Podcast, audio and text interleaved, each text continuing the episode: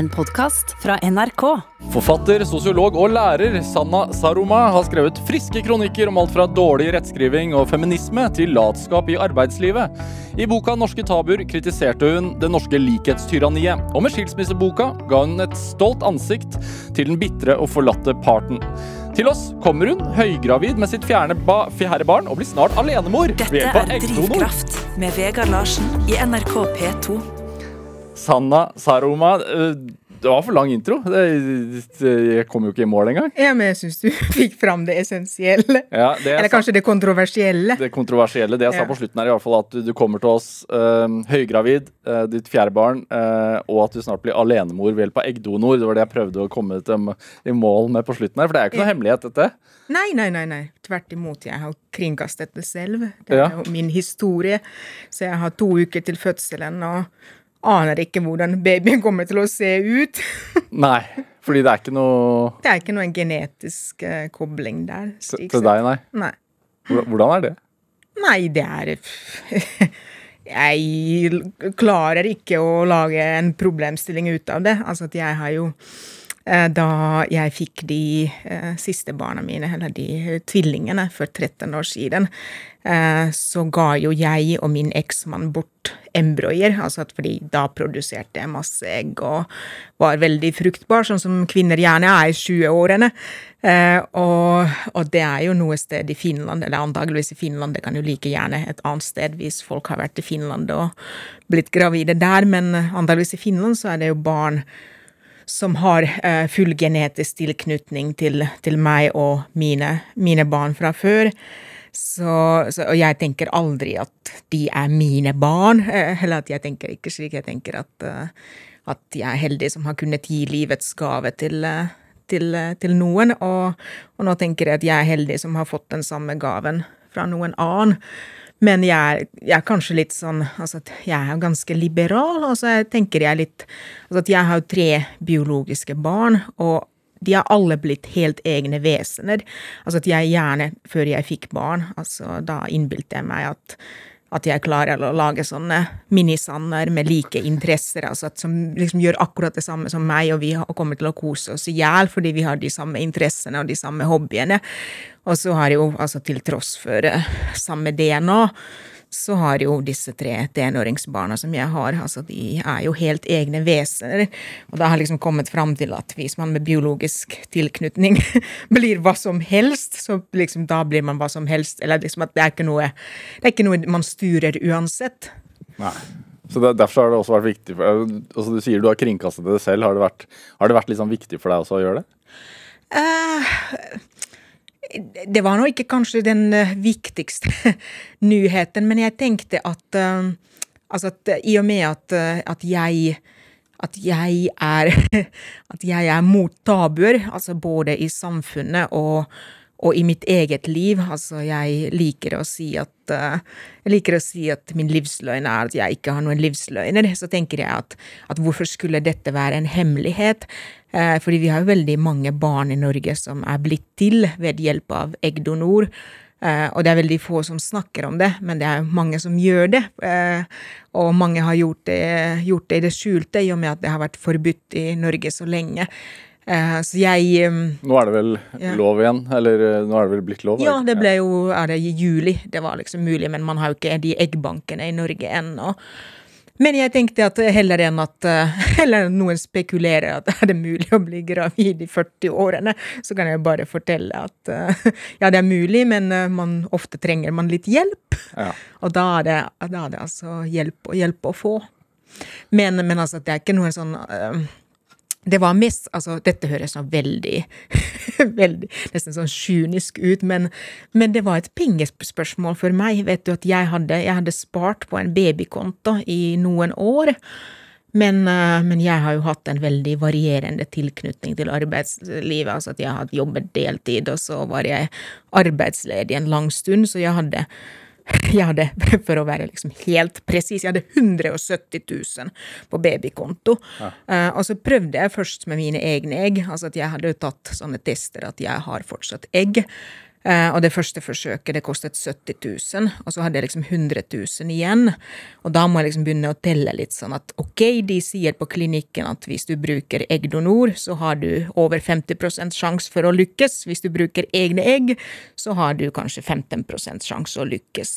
Så jeg var liksom jeg var litt sånn, Det blir sånn, liksom, sånn kostnad-nytte-vurdering. Ja. Og da tenkte jeg at jeg har mer lyst til å lykkes enn å enn til død og liv å få uh, barn med mine egne egg. Altså, jeg har jo allerede barn med mine egg. Ja. Så, så det, var, det, var, rett og slett en litt sånn rasjonell avgjørelse. At jeg vil lykkes. Og da, det, da, lykkes jeg mest sannsynlig. Kan hende at hvis jeg hadde hatt ubegrenset med midler, altså at hvis den babykontoen hadde hatt 500 000, så kunne jeg gjort fem-seks forsøk med egne egg, men jeg hadde ikke de pengene. Jeg ber deg ta mikrofonen litt unna munnen, okay. eh, sprake litt. Men, men, altså, hvorfor Som du sier sånn, du hadde hatt tre barn fra før. Hvorfor var det så viktig for deg å bli gravid igjen? Det er et veldig privat spørsmål, men Ja, eh, nei, men altså, det er jo ikke Altså, jeg tror at de mange kvinner, eller kanskje til og med, til og med menn, kjenner seg igjen i spørsmålet, eller denne drøftingen, at når har man fått nok barn. Eh, altså at eh, når, er man, når, er familien komplett, sånn som folk sier. For jeg har alltid, alltid undret meg over eh, ikke mange uker siden jeg hadde en litt sånn fjern venninne eller bekjent på Instagram som kom fra uh, føden og hadde fått sitt andre barn. Og så, og så, skriver hun at nå er familien komplett, og jeg er liksom what the fuck? Altså, hvordan kan, kan, noen ha en komplett familie med bare to barn? Altså, det, det er sikkert det normale og det vanlige, men, men liksom, jeg har aldri hatt den følelsen eh, at familien min er komplett. Tvert imot. Jeg husker da jeg fikk eh, tvillingene, da var jeg 27 år, og tenkte at, eh, at er dette virkelig mine siste babyer? At uh, kan jeg ikke bli liksom At kan jeg ikke få flere barn? Eller at Men da var jo altså Jeg var jo gift med en mann som ikke ville, mente at liksom tre er nok. Og så kom det en, egentlig en sånn Det kom litt sånn i kjølvannet av skilsmissen. Jeg husker det var en av de aller første klare, eh, positive, lusetanker da jeg ble forlatt eh, at å, nå er jeg fri til å lage barn. Jeg var da 37, så jeg tenkte at jeg har liksom fortsatt en sånn window of opportunity her. Eh, eh og mm, ja, Hva var egentlig spørsmålet? For nå begynte jeg bare å snakke uten at Svarer jeg på spørsmålet? Det gjør du absolutt. Jeg spurte rett og slett hvorfor, hvorfor, ja, hvorfor du ville ha ja. ja, altså jeg tror at jeg har hatt den der tanken altså at jeg, eh, jeg liker å være gravid, og så liker jeg babyer. Det er egentlig, Jeg har kommet fram til at det er bare tenåringer jeg ikke liker nå som jeg har tre tenåringer hjemme. Så, hva, så. hva, sier tenåringene til at du sier det? Nei, jeg tror ikke de lytter til P2. Det er bare folk over 60 som lytter til P2. Men er det, uh, er det en egoistisk handling å få barn? Ja, det er vel det. Altså, det er jo ikke noe uegoistisk i det å, eh, det å lage barn. Altså, det er folk lager jo altså Uansett hvordan folk lager barn, altså om de lager det med egne egg eller andres egg eller egen sæd eller andres sæd, så gjør man jo det for å dyrke sitt eget liv eller berike sitt eget liv. Det er jo ingen som tenker at nå skal jeg jammen gi liv til et barn. Det er eh, Nei, altså. Det, og det er jo helt eh, Sånn skal det være også. Altså at det er jo eh, Det hadde vært litt sånn selvoppofrende hvis man hvis man lager et barn for, eh, for, noe, for noen andre årsaker enn egoistiske årsaker. Ja. Vitenskapen er jo der at det er fullt mulig å, å, å få det til på egen hånd, sånn som, sånn som du har gjort det. Men, men, er det også et tabu å gjøre det sånn? På egen hånd? Mm, jeg tror det er i hvert fall altså Det er jo stemmer i samfunnet. altså vi, vi husker jo, altså Det er ikke lenge siden man tok enda en altså reprise på den der evige debatten i Norge om hvem som har lov til å altså Skal vi tillate at enslige kvinner Skal vi tillate at Altså dette her, altså bioteknologiloven i Norge har jo vært veldig konservativ. Eh, og, og, det har jo vært mange debatter. altså at Jeg har bodd i Norge siden 2003. Og jeg tror det liksom, jeg husker jo debatter fra den tiden allerede. Eh, så Norge har jo vært et annerledes land, eller et sånt um, konservativt, kristenkonservativt land, og så har man tatt denne debatten. Dette er litt sånn typisk norsk, vet du. Kjører aldri bli ferdig med noe, aldri bare vedta noe og bli ferdig. Altså man bare debatterer, debatterer og debatterer. Og da man endelig nå 2020 vedtok at ok, at enslige kvinner kan også lage barn, og eggdonasjon blir tillatt, så var det jo mange som het at dette gikk for fort, at dette fikk vi ikke debattert grundig nok, enda man har snakket om det i 20 år. Så um, jo, hva, hva var spørsmålet? jeg må få spørsmålet skriftlig, sånn at jeg husker hva du spurte. Er, er det, altså, men er det Jeg tenker sånn uh, Når man uh, velger å få en eggdonor, altså du sier jo det at du får ikke noe av ditt DNA.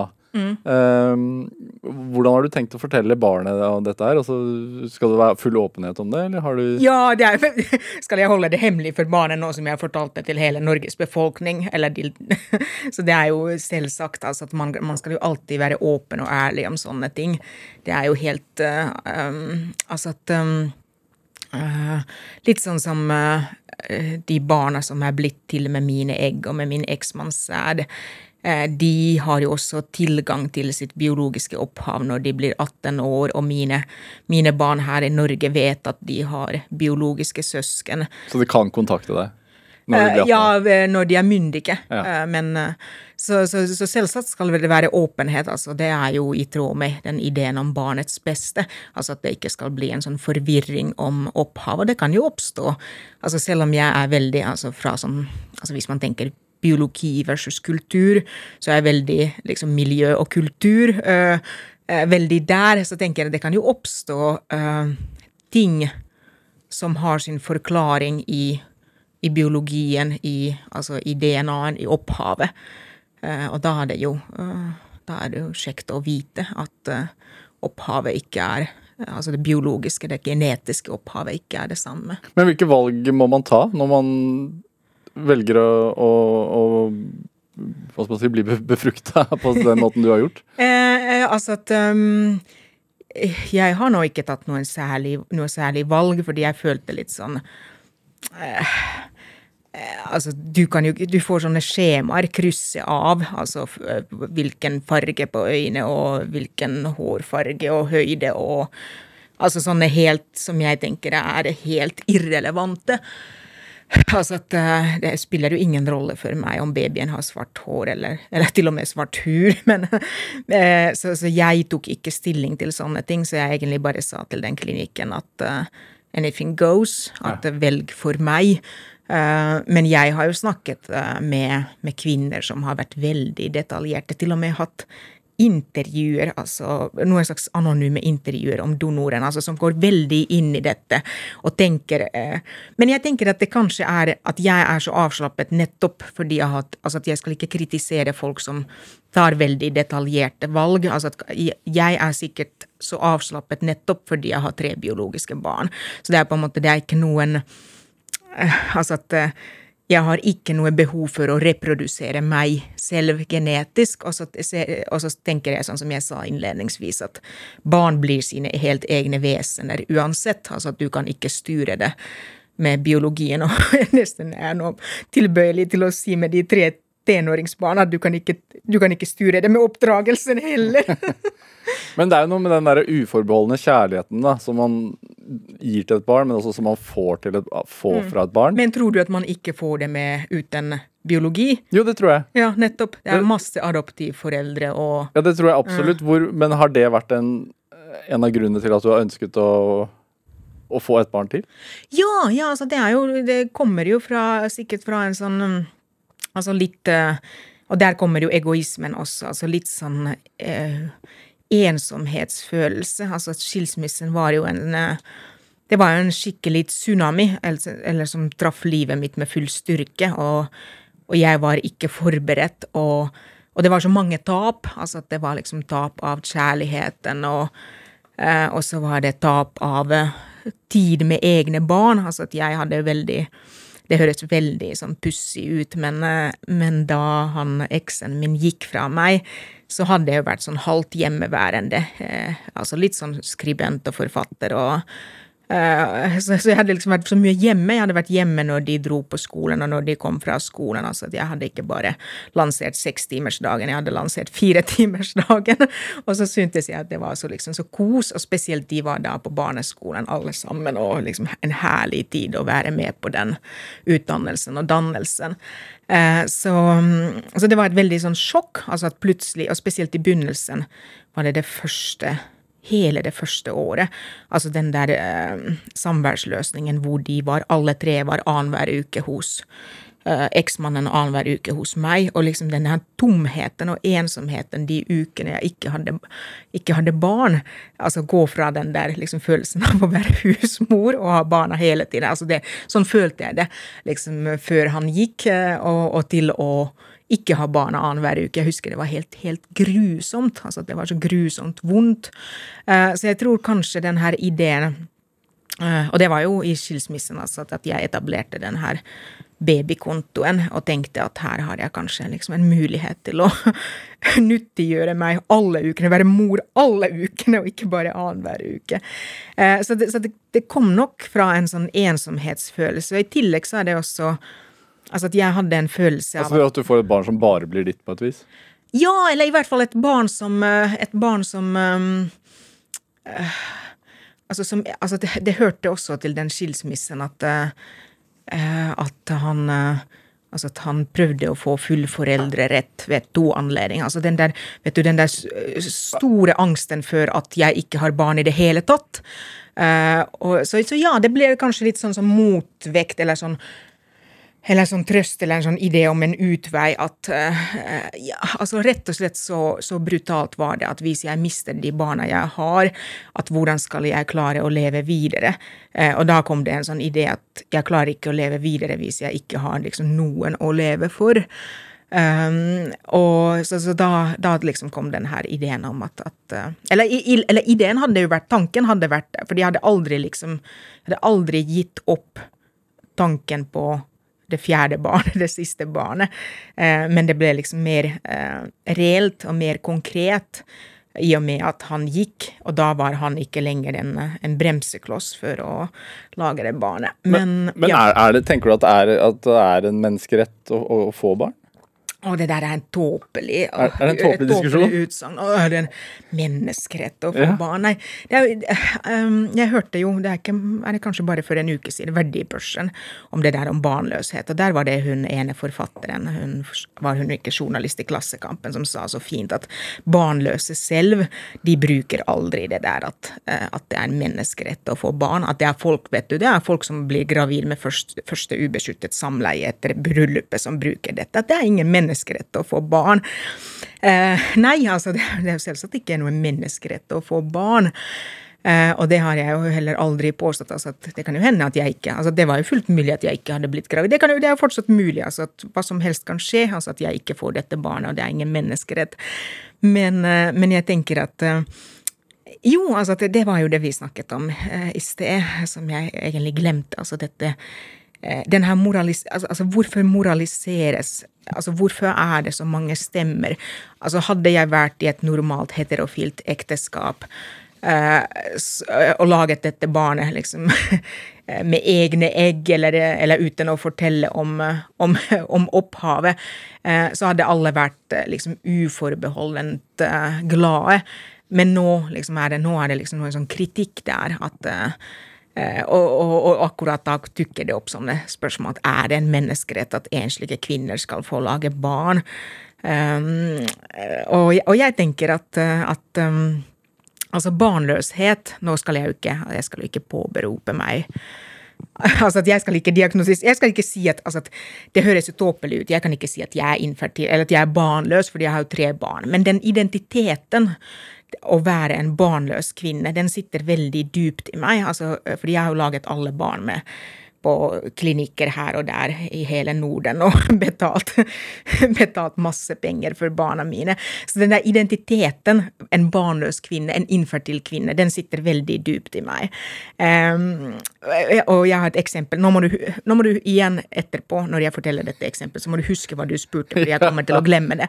Men, eh, men jeg var jo en sånn, vet du, som fødselsforberedende samtale på sykehuset for et par uker siden. Og uh, altså, i og med at jeg får planlagt keisersnitt, jeg har hatt to akutte keisersnitt før, og da får man automatisk, selv i det norske helsevesenet, hvor man skal liksom føde vaginalt.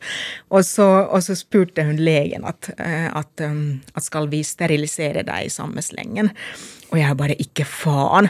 Altså, og, og, dette er selvsagt altså, at jeg er 41 år og jeg holder på å få mitt fjerde barn. altså Det er jo helt uh, idiotisk av meg å liksom, liksom reagere så sterkt. At, uh, at uh, men, um, men, det skyldes at, at, jeg i så mange år, altså at aldri liksom Eller brukt veldig lite prevensjon, aldri lykkes liksom naturlig. Og så, og så skulle jeg liksom, etter alle disse årene når jeg har laget barna her og der, med mye penger, så skulle jeg plutselig begynne å forhindre at jeg får barn. Så det var liksom den, den bare det der spørsmålet liksom Jeg følte at det var så malplassert, at det liksom rokket ved min infertile identitet. Eh, jeg skjønner jo at de spurte, altså ikke det, men, men, jeg sa altså nei. Sånn at jeg har mulighet, jeg holder mulighetene åpne for en spontan graviditet i 40-årene. Altså kommer ikke til å skje, men, men, jeg vil ikke utelukke den muligheten. Men jo, altså at, eh, om det er en menneskerett å få barn, nei, men jeg tenker at det er en menneskerett å få lov til å prøve. Altså at vi behandler jo andre sykdommer også, og infertilitet er jo definert som en sykdom av Verdens helseorganisasjon. Og da bør det være en menneskerett å få lov til å prøve å bli kvitt denne sykdommen, infertilitet. Ja. Men jeg understreker altså at uh, jeg, hvis jeg ikke hadde uh, lyktes nå, så hadde jeg ikke liksom gått i kjelleren og blitt deprimert. Altså at uh, jeg hadde annerledes bare blitt takknemlig og glad for at jeg tross alt har tre barn. Så jeg skal ikke på en måte jeg skal på ingen måte sammenligne meg med de Altså, det finnes mange folk som prøver å få sitt første barn og føler seg veldig infertile. Men jeg har jo hatt uh, gjester her i studio, uh, bl.a. Bjarne Melgaard, kunstneren, som, som, mente at uh, det fødes altfor mange barn yeah. i verden. Mm. Uh, og man har, jo, altså, man har jo en mulighet til å adoptere. Mm. der var også hun himla god, hun der som har skrevet denne boken om om barnløsheten som var i verdibørsen. At, at dette, dette, her liksom, det, dette tilbudet at man kan jo adoptere. Det kommer alltid fra de som har egne biologiske barn. Hvorfor sier ingen til dem at dere kan jo adoptere? Hvorfor er det alltid liksom, hvorfor er det infertile som må adoptere? Eh, og jeg tenker at ja, ja, det er selvsagt mulig å adoptere. Og det husker jeg også undersøkte. Altså i da jeg, uh, da jeg ble forlatt og ble alene men det var ikke mulig for en enslig kvinne å, å adoptere. Og, eh, og, jeg også, altså at jeg elsker den kroppslige erfaringen av å være gravid. Kanskje ikke akkurat nå de siste to ukene før fødselen, men, men fram til nå, eller fram til for en uke siden, da jeg liksom fortsatt følte meg følte meg liksom vakker og fruktbar. Så litt sånn fake fruktbar, men likevel. Er det det du liker med det? Nei, nei altså, det er ikke, ikke, den der følelsen av fruktbarhet, men, men jeg syns det er herlig å Ja, nei, altså, det å være gravid, det har alltid passet godt for meg, og jeg føler meg sterk opp igjen og eh, driftig og ja, nei, altså det er bare at jeg, jeg, er veldig dårlig til å bli gravid, og så er jeg innmari dårlig til å føde, men jeg er jævla god til å være gravid. Ja, Du får energi av det? Ja, ja og så er jeg alltid i fin form. Ja. Hvorfor tror du at, det, at et sånt valg kan provosere noen? Jeg tror altså uh, ja, Kanskje det Kanskje det forstyrrer sånne eh, konservative, kristenkonservative, heteronormative tanker. Og kanskje det er litt sånn antifeministisk også. Altså litt, det kommer disse her eh, litt sånn, sånn, vet du, sånne menn. Eh, mennene i distriktet, altså disse her nettrollene i distriktet som aldri har klart å finne seg en kvinne. Eh, som da liksom tenker at hva trenger man en mann til nå, når kvinner kan bli gravide alene? Altså som er litt sånn sinte, men mm. egentlig er de litt sånn bitre og sinte på sin egen skjebne. eh, tenker jeg. Fordi det er jo ikke eh, Men, men, men barnet ditt, eh, vet du hvilket kjønn det blir? Ja, de har, de har sagt at det ser ut som en gutt, men jeg, jeg lever jo fortsatt i håpet at de tar feil. Ja. Altså, du, blir jo moren, men og barnet kommer til å spørre om faren. Ja, Det gjør man jo. ja. Hva sier du da, da? Uh, nei, jeg sier vel at uh, du ikke har noen far, men du har uh, to, to flotte storebrødre. Ja. Tror du man mister noe som barn når man vokser opp på den måten? Ja, helt sikkert. Altså, det er jo, men det er jo ingen, eller det er veldig få barn som vokser opp under perfekte, optimale forhold. Altså, skilsmissebarn mister også noe. Eh, men altså, i alle, i alle tider så blir barn født eh, De blir født til ulike familiekonstellasjoner og Altså at um, Ideelt sett, optimalt sett, så skulle jeg jo gjerne gitt en heterofilt kjernefamilie til dette barnet. Altså Ideelt sett så hadde jeg jo fortsatt vært altså Ikke at det er noe, noe jeg ønsker lenger, men ideelt sett så hadde jeg fortsatt vært gift med eksmannen min, og vi hadde laget dette barnet sammen noen år tidligere. Altså, øh, altså Det er mye vi skulle ha gjort i en ideell verden, men vi har jo ikke den ideelle verdenen. Og så gjør vi det det beste ut av det vi har. Ja. Og det er jo litt sånn også at eh, vi gjør det beste ut altså Eller at jeg gjør det beste ut av de rammene, de forutsetningene eh, som, som eh, dette barnet har. Altså at eh, han får to store brødre og en flott onkel i Finland. og og så har jeg en venninne på Lillehammer som tar to ukers pappapermisjon knyttet til fødselen. Altså at det, ikke, det mangler jo ikke på gode folk og forbilder rundt dette barnet. Nei, så blir det i hvert fall et ønsket barn. Dette er Drivkraft med Vegard Larsen i NRK P2. Og i dag er forfatter, sosiolog og lærer Sanna Saroma her hos meg i Drivkraft på NRK P2. Samfunnsdebattant vil jeg vel også kalle deg. Eh, Du har skrevet en rekke eh, kronikker opp igjennom som har eh, skapt litt debatt. Det, blir ikke, det, er, det er ikke feil å si det. Nei, nei, og det er, debatt er veldig hyggelig. Det er, Ja, eh, Debatt er hyggelig. Ja. Og hvorfor syns du det? Nei, ja, altså, ikke, ikke sant, altså, jeg tenkte på toget eh, nedover, at eh, det der med drivkraft og eh, Og det er jo Jeg elsker de øyeblikkene, altså når eh, når det tar av.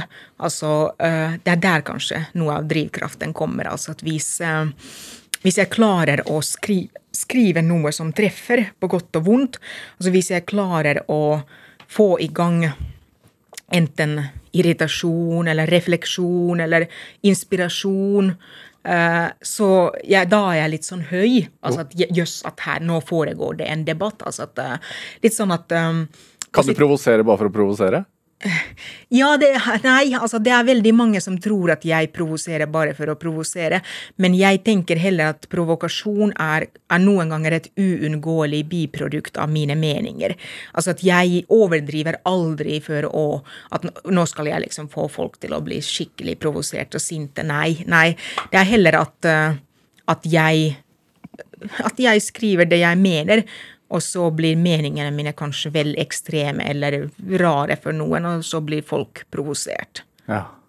Hva, hva er du mest overrasket over at folk blir provosert over? Jeg føler kanskje selv altså at, at, at det meste jeg altså Fordi det er mine meninger, og for meg er de så selvklare at, at jeg tenker at jeg skriver selvfølgeligheter, og så blir folk provosert av det.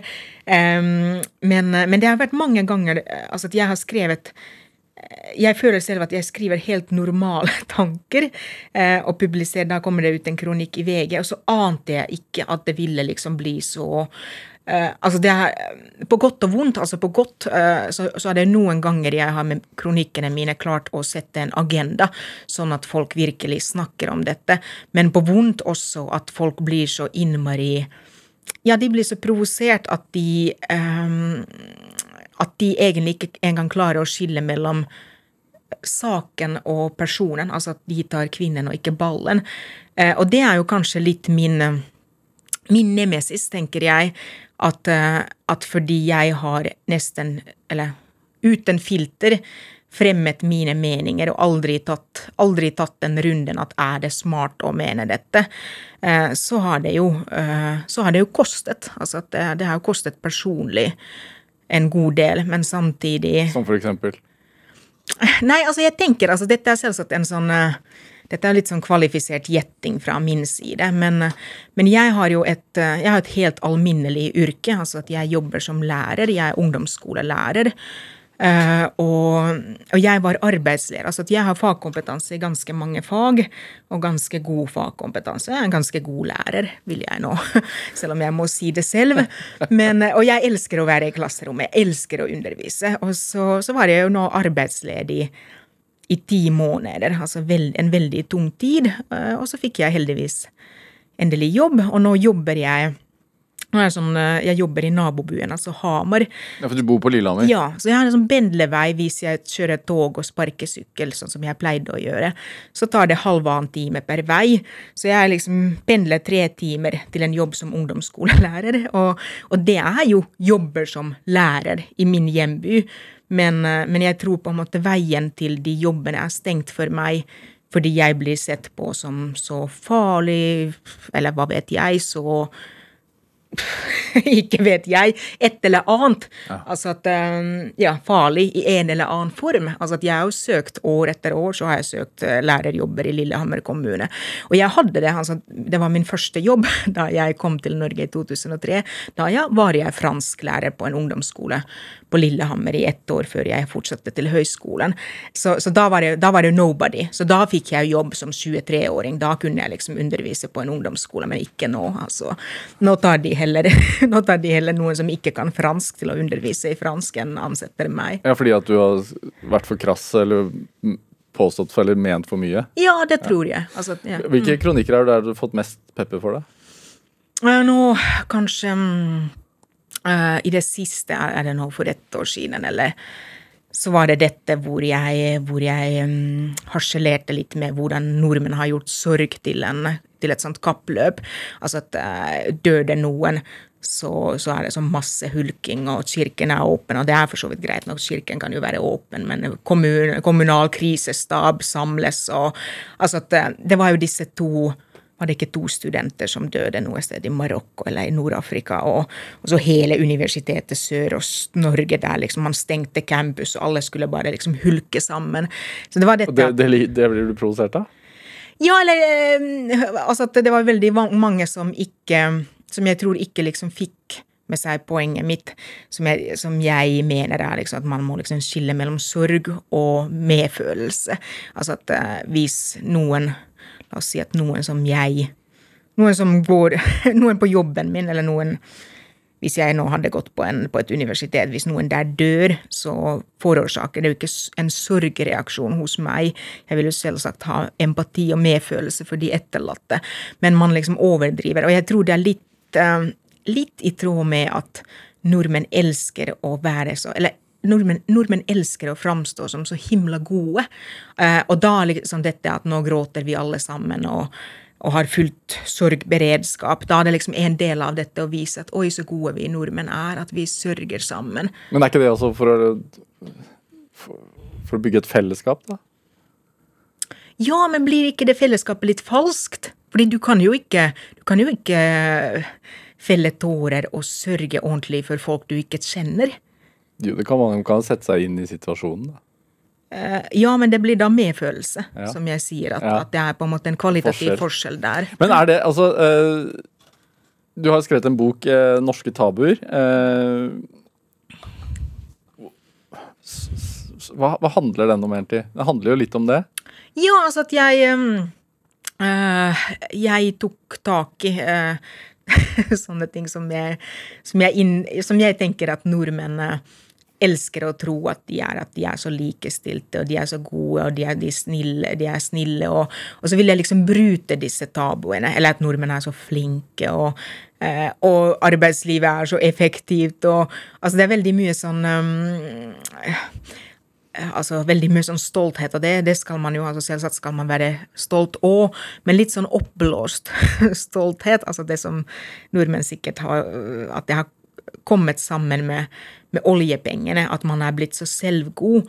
Uh, og så er det mye av den Ja, altså at, at, at det er blitt så oppblåst at jeg hadde liksom lyst til å stikke hyll i den ballongen som mange nordmenn er blitt i sin selvgodhet. Så det, liksom, det, det var bestillingene bak den boken, at jeg skulle litt uh, knuse disse, disse tabuene. Ja, i, i, Norge er alle like flinke eller alle like middelmådige for at ingen skal bli lei seg, skriver du. Mm, mm. Og det er jo litt eh, det, Dette er jo fortsatt altså, en av mine store kjepphester. Altså hadde senest i dag i lokalavisen en kronikk om dette. Jeg vet ikke, jeg tror ikke det er så ille her i Oslo. ja, og og Akershus eller Viken eller hva det nå heter. Men, eh, men Innlandet, altså, det er jo sånn Der du bor? Ja, det er sånn middelmådighetens fylke.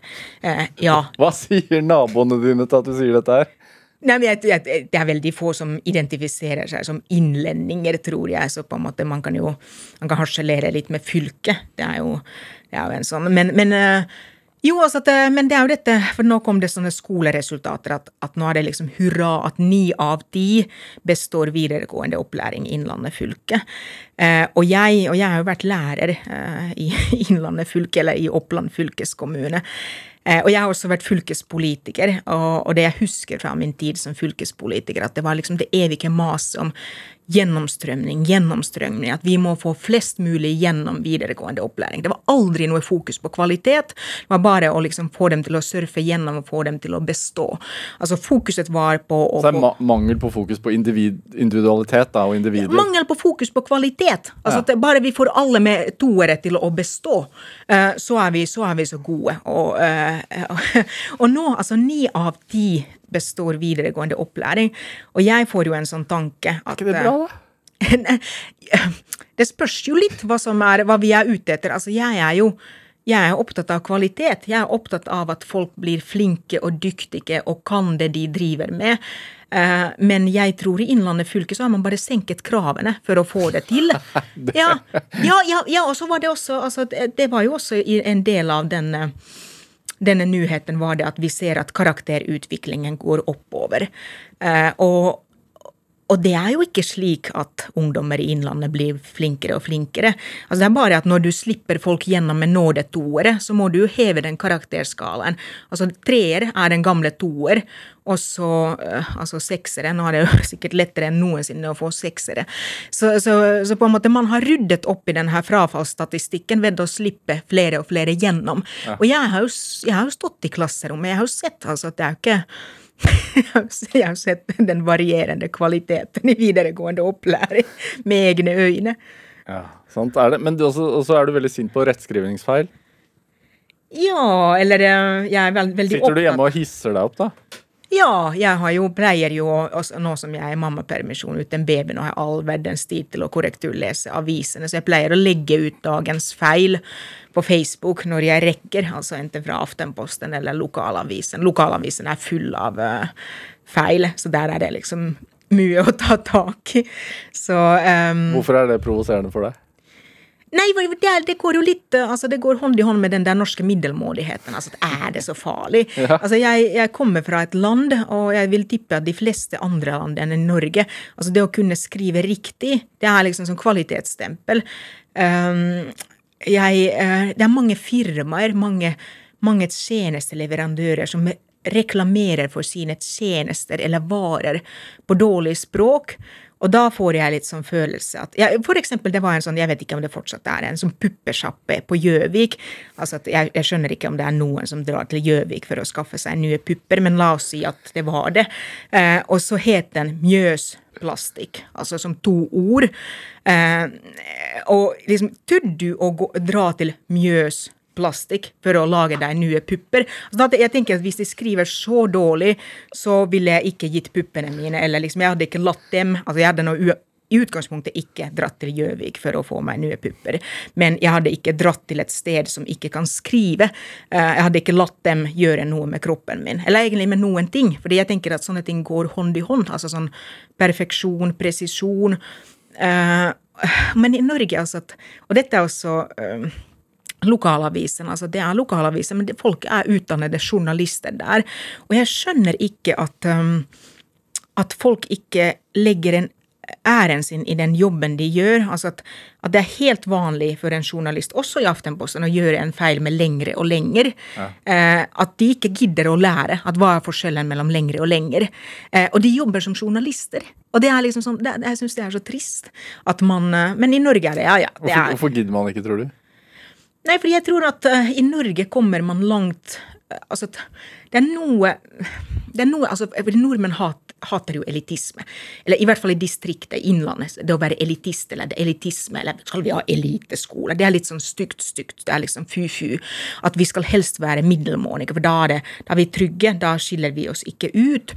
Så jeg tror det er litt sånn at um, at det, det, som man setter pris på, er det middelmådige. Altså at ikke, ikke perfeksjon og presisjon og ikke altså Det er kanskje noe elitisme i det å skrive riktig. Er du redd for å skille deg ut? Uh, nei, det tror jeg ikke. Det har jeg gjort så lang tid nå at, at jeg ikke kan, ikke kan være redd for det. Dette er Drivkraft med Vegard Larsen i NRK P2. Og I dag er forfatter, sosiolog og lærer Sanna Saroma her hos meg i uh, Drivkraft på NRK P2. Altså, du er fra du, som du sier, du er fra et annet land, du er fra Finland. Uh, hvor i Finland er du fra? Vet du, Jeg er født og oppvokst i Lahti. Som, uh, som de fleste nordmenn kjenner til gjennom skihopping og, og World Cup. Ja. Så jeg, jeg, er født og oppvokst bak de tre hoppbakkene i Lahti. Hva slags, Hvordan vil du beskrive barndomshjemmet til Saroma? Åh, det var eh, veldig, altså på mange måter veldig typisk. Altså, vi var uh... det, Hva er det? Hva er det typisk? Du, du, sier jo hva som er det typisk norske. Hva er det typisk finske? Nei, altså typisk finsk, altså at uh, mor og far og to barn, en gutt og jente. altså Dette er en der 70-talls familiekonstellasjon. Uh, og, så, og litt sånn finsk-typisk. altså Min far var alkoholiker, og så min mor var sykepleier. så det er sånn veldig, en veldig typisk finsk familie, tenker jeg. Hvordan er det å vokse opp med en alkoholikerfar? Ja, altså som barn så vet man jo ikke om noe annet. Så, så det, blir, det, blir, det normale, på sett og vis. På, altså trist nok. Uh, men, uh, men, det var jo uh, Ja, altså at jeg Det har nok preget meg. Altså at jeg husker ikke tiden før alkohol. Altså at jeg, jeg, husker ikke de julene da min far ennå ikke drakk. Altså ikke at han drakk bare på julaften, men han drakk jo alle andre dagene også. Så jeg husker liksom ikke en barndom uten alkohol. Jeg husker at han satt i et kjøkken ved kjøkkenbenken eller ved kjøkkenbordet i hjørnet sitt og, og drakk. Altså helt fra han kom, på, kom fra jobben, da han fortsatt hadde en jobb. Uh, og han kom veldig tidlig, for han var en sånn omreisende, omreisende handelsreisende, som han kalte seg selv. Han var en handelsreisende, solgte madrasser og, og, puter og duner. Og så var han ofte tidlig hjemme og begynte å drikke. Så jeg liksom husker ikke noe annet enn en all, Eller jeg husker ikke ham som edru. Nei. Klarte han å være pappa, eller var han bare full? Uh, dette er også, altså dette er 80-tallet. altså Kjønnsrollene var nok sånn at, eh, at det var nok mamma som gjaldt på mange måter. Altså at han eh, kjørte jo, altså kunne liksom skysse meg med bil og uh, men, men altså, nei, han var jo ikke han var ikke noen omsorgspermisjon på, på den måten. Om, omsorgsperson på den måten som vi nå tenker på, på pappaer. Mm. Når jeg hører på deg, når du snakker om det norske samfunnet og elitisme, og, og at man må, må, sette krav og, og, til kvalitet og sånne ting, mm. begynte det tidlig for deg? Altså hvordan hvor, eh, Hva var det som formet de tankene? Ja, altså, jeg tror uh, altså at jeg var Jeg Dette blir litt sånn Altså at det, litt sånn hobbypsykologaktig Eller selv, eller selv uh, ransakende, eller Ja, ja, kanskje det òg. Men jeg, jeg, har alltid tenkt at uh, Fordi vi var Altså uh, vi hadde ikke mye penger. Eller at jeg husker at Og sånn var det sikkert i Norge også. Altså, det var ikke veldig mye penger ennå på 80-tallet. og vi bodde i en blogg og, um, og, så hadde jeg liksom følelsen at pappa drikker alle pengene. Og jeg var liksom, Alle mine venner kom seg til Syden, for eksempel, og jeg var så oppgitt over at vi aldri kom oss til Syden. Og jeg laget regnskap hvor mye penger pappa bruker på alkohol og, og røyk. Og med de pengene hadde vi dratt til Syden. Uh, så jeg fikk, men jeg fikk uansett en tidlig veldig sånn følelse at, uh, at her vil jeg ikke bli. Uh, og at jeg må for all del unngå skjebnen til mine foreldre, spesielt til min far. Eh, og en del av hans skjebne var jo at han mistet jobben òg. Altså at han eh, ble da bare hjemme. Eh, ble, altså dette var den, mm, under den store økonomiske depresjonen i Finland. altså da Sovjetunionen falt i begynnelsen av 90-tallet, og da falt jo den uh, finske østhandelen. Altså at det var en massiv arbeidsledighet i Finland i begynnelsen av 90-tallet.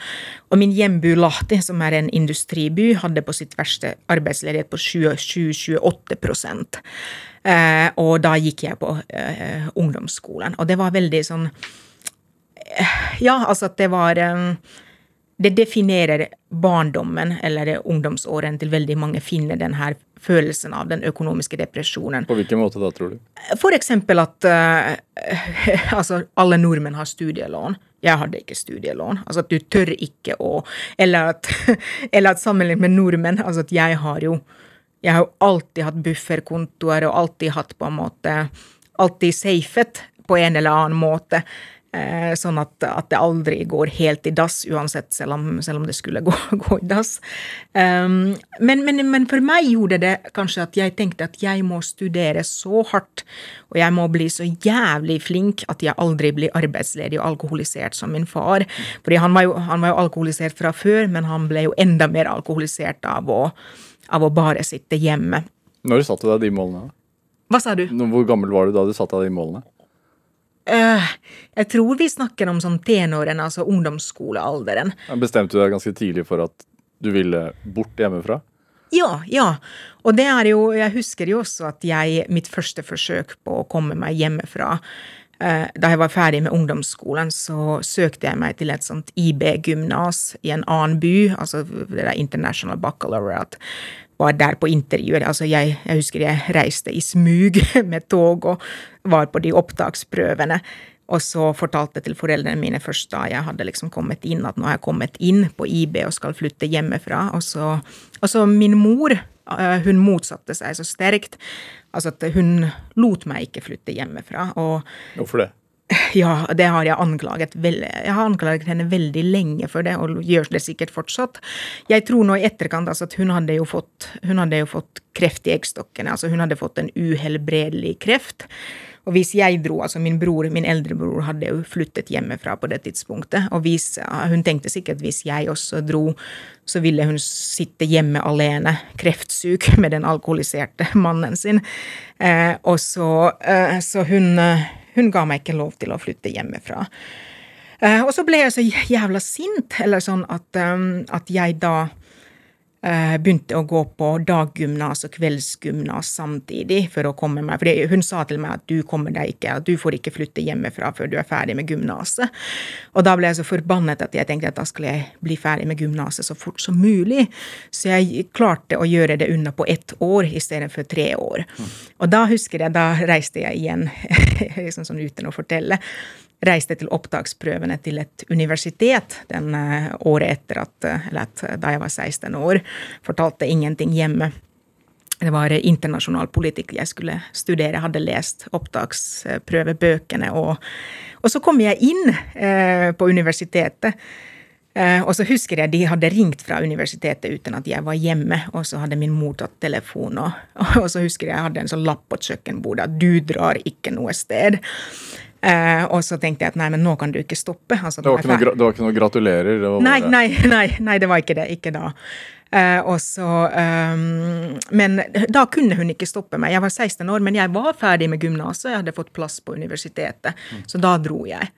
Uh, så, så da da kom jeg meg vekk derfra, og det var veldig godt, for det, det var deilig å Altså ikke at, eh, altså at, jeg var jo glad i mora mi, og, ikke, altså at, eh, og hun var glad i meg, det var ikke noe sånt, men, men det, no, det, gjør noe med hjemmets atmosfære når, det, når begge foreldrene er hjemme, og den ene, ene holder på å dø av kreft, og den andre av alkohol. Altså ja. det er veldig sånn uh, Høres ikke så veldig Nei, det var veldig tungt, og veldig ja. sånn, ja. Mm. Dro du hjem igjen noen gang? Jo, jo, jo. jo. Altså at jeg var jo uh, uh, Altså, jeg var jo hjemme juleferie og Eh, og påskeferie og altså sånn som studenter er hjemme. Ja. Og så dro jeg um, Jeg tok et år som utvekslingsstudent i, på Universitetet i Oslo. Fordi jeg, jeg, er egentlig historiker, altså. Jeg vet at du Eller det står sikkert noe sted på Wikipedia at jeg er sosiolog, og det skyldes bare at min doktorgrad er i sosiologi. Men, eh, men, det var historie jeg tok. Eh, liksom, det var liksom politisk historie, samtidshistorie var min utdannelsesbakgrunn. Men doktorgraden tok jeg i sosiologi, historisk sosiologi. Men det var historie jeg studerte på universitetet, samtidshistorie. Og så tok jeg et år i Oslo, altså som utvekslingsstudent da jeg var 18 år og tok mellomfag i historie på Blindern. Fordi jeg skulle spesialisere meg på nordisk ja. eh, historie. Men det er da, under det året, at både mamma og pappa dør. Ja. Hvor gammel var du da? Uh, hadde jeg akkurat fulgt 19 da, eller er noe sånt? Vent litt, jeg må nesten til 18-19, ja. Mm. Samtidig, be, begge to? Ja, altså år. først døde mamma, uh, og så to, to og en halv måned etterpå så dør pappa. Og da drar jeg ikke, altså etter at jeg har begravd mamma, eller etter at jeg og min bror vi har begravd henne, da er jeg ikke hjemme. Altså at uh, jeg besøker ikke min far en eneste gang. Uh, uh, før han da dør, altså da neste gang, når, og hilser på ham på likhuset. Ja.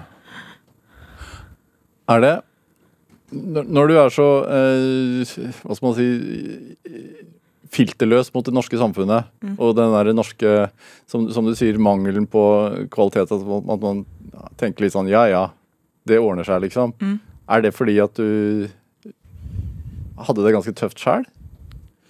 Ja, ja, eller jo, altså det er kanskje litt sånn misunnelse at, eh, at, man slipper noe eh, Kanskje det er litt sånn misunnelse at man slipper så billig unna i Norge. At det ordner seg likevel.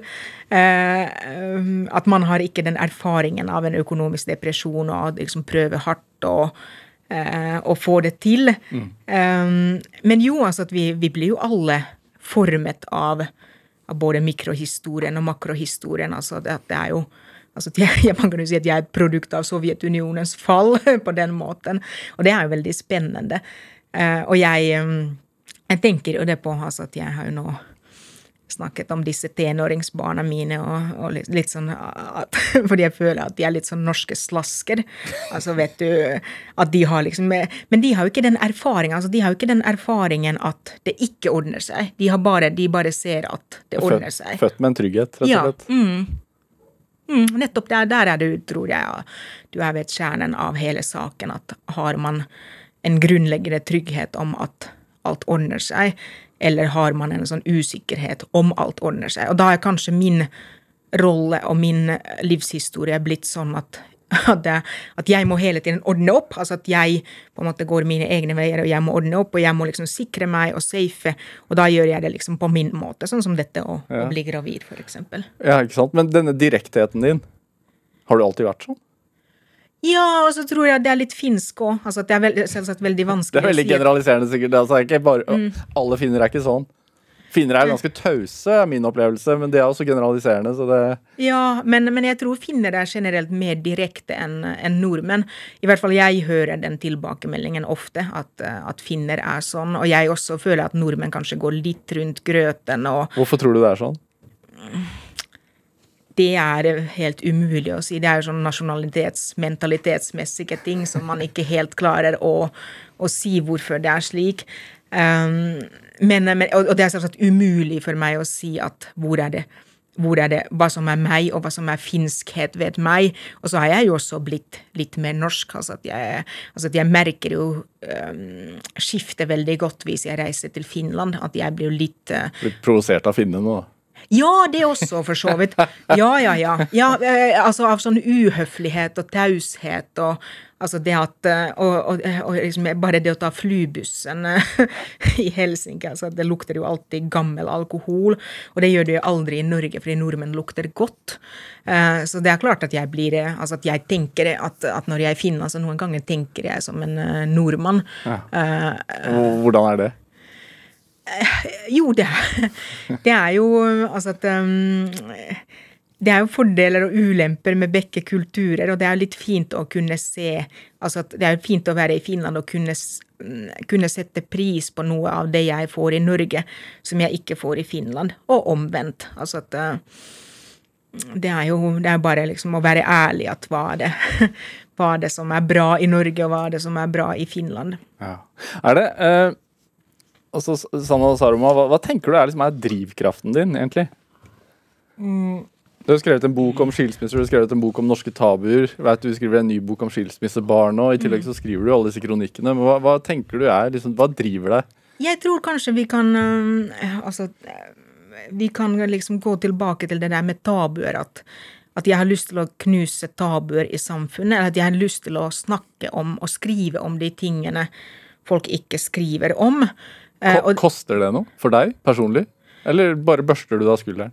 Uh, jeg er blitt ganske untouchable. Altså sånn at uh, jeg, føler, jeg føler ikke at noen går inn på meg lenger. Uh, altså, det skal veldig mye til Eller det, da må det komme fra de nærmeste. Altså at hvis noen av dem er, er kritisk, eller det, da kan det gå inn på meg, men man var liksom utkjente folk sier eller sender av meldinger, så bryr jeg meg katta om. Men hvorfor er det viktig for deg å, å røre opp i disse tabuene? Um, jeg, jeg, tror det handler om at, at, jeg får et kick. altså liksom som jeg sa, at hvis jeg, hvis jeg setter en agenda, og det kommer en debatt, ja. uh, så er det jo Det er en deilig følelse. For da føler du at, uh, at du, har, du, dytter samfunnet litt framover. Ja, for det er, det, det er et mål, det er ikke bare kicket? Ja, ja, ja. Eh, selvsagt er det et mål. Eller det er i hvert fall det ønskede produktet. Altså at man skriver jo ikke bare for å for å bli beruset av egne skriverier. Noen altså, gjør sikkert det. Ja, det, det, er, altså, det, er, jo sikkert en, det er jo et hyggelig biprodukt. Altså at altså når debatten er på, så elsker jeg jo den følelsen. Altså at nå går det litt varmt, og, og her er det mange meninger, å sortere i de meningene. Men det er jo altså at jeg er jo historiker, jeg er samfunnsviter. Jeg ønsker jo at um, at det jeg sier og det jeg står for og det jeg mener, at det bidrar til et bedre samfunn. Ja, fordi du ønsker det egentlig? At du ønsker Norge alt godt, egentlig? At vi skal bli bedre? Ja, ja det, er, det, er, en god konklusjon. godt at du sa det, så jeg slapp å si det selv. Ja, hvorfor det? Hadde... Ønsker alt godt til Norge, så, er, så, egentlig burde jeg få en pris for denne virksomheten min. en æresborger. Ja, fordi det er jo ofte litt sånn Hva er det Sanna Saroma misliker med Norge i dag? Aktig spalte kunne du hatt. Ja, ja, ja. Og enda det er veldig mange ting jeg liker. Men, men det er liksom, jeg har jo også skrevet om kronikker om de tingene jeg setter pris ved Norge. Men jo, de blir jo, blir jo, aldri liksom store snakkiser. Nei. Altså det er, det er liksom Det blir ikke noe debatt, da. Nei. Nei. Det, det, var, det, var, det vi rakk på en time. Ja, jøss. Yes. Sanna Saroma, tusen takk for at du kom hit til Drivkraft, og lykke til med fødsel. Tusen takk. Hør flere samtaler i Drivkraft eh, på NRK på nett, eller last oss ned som podkast. Send oss også gjerne ris og ros og tips til mennesker du mener har drivkraft. Send den e-posten til drivkraft.krøllalfa.nrk.no. Vi hører veldig gjerne fra deg. Produsent i dag var Kjartan Aarsand. Siv Ammer bidro også sterkt til denne sendinga. Jeg heter Vegard Larsen. Vi høres. Du har hørt en podkast fra NRK. Hør flere podkaster og din NRK-kanal i appen NRK Radio.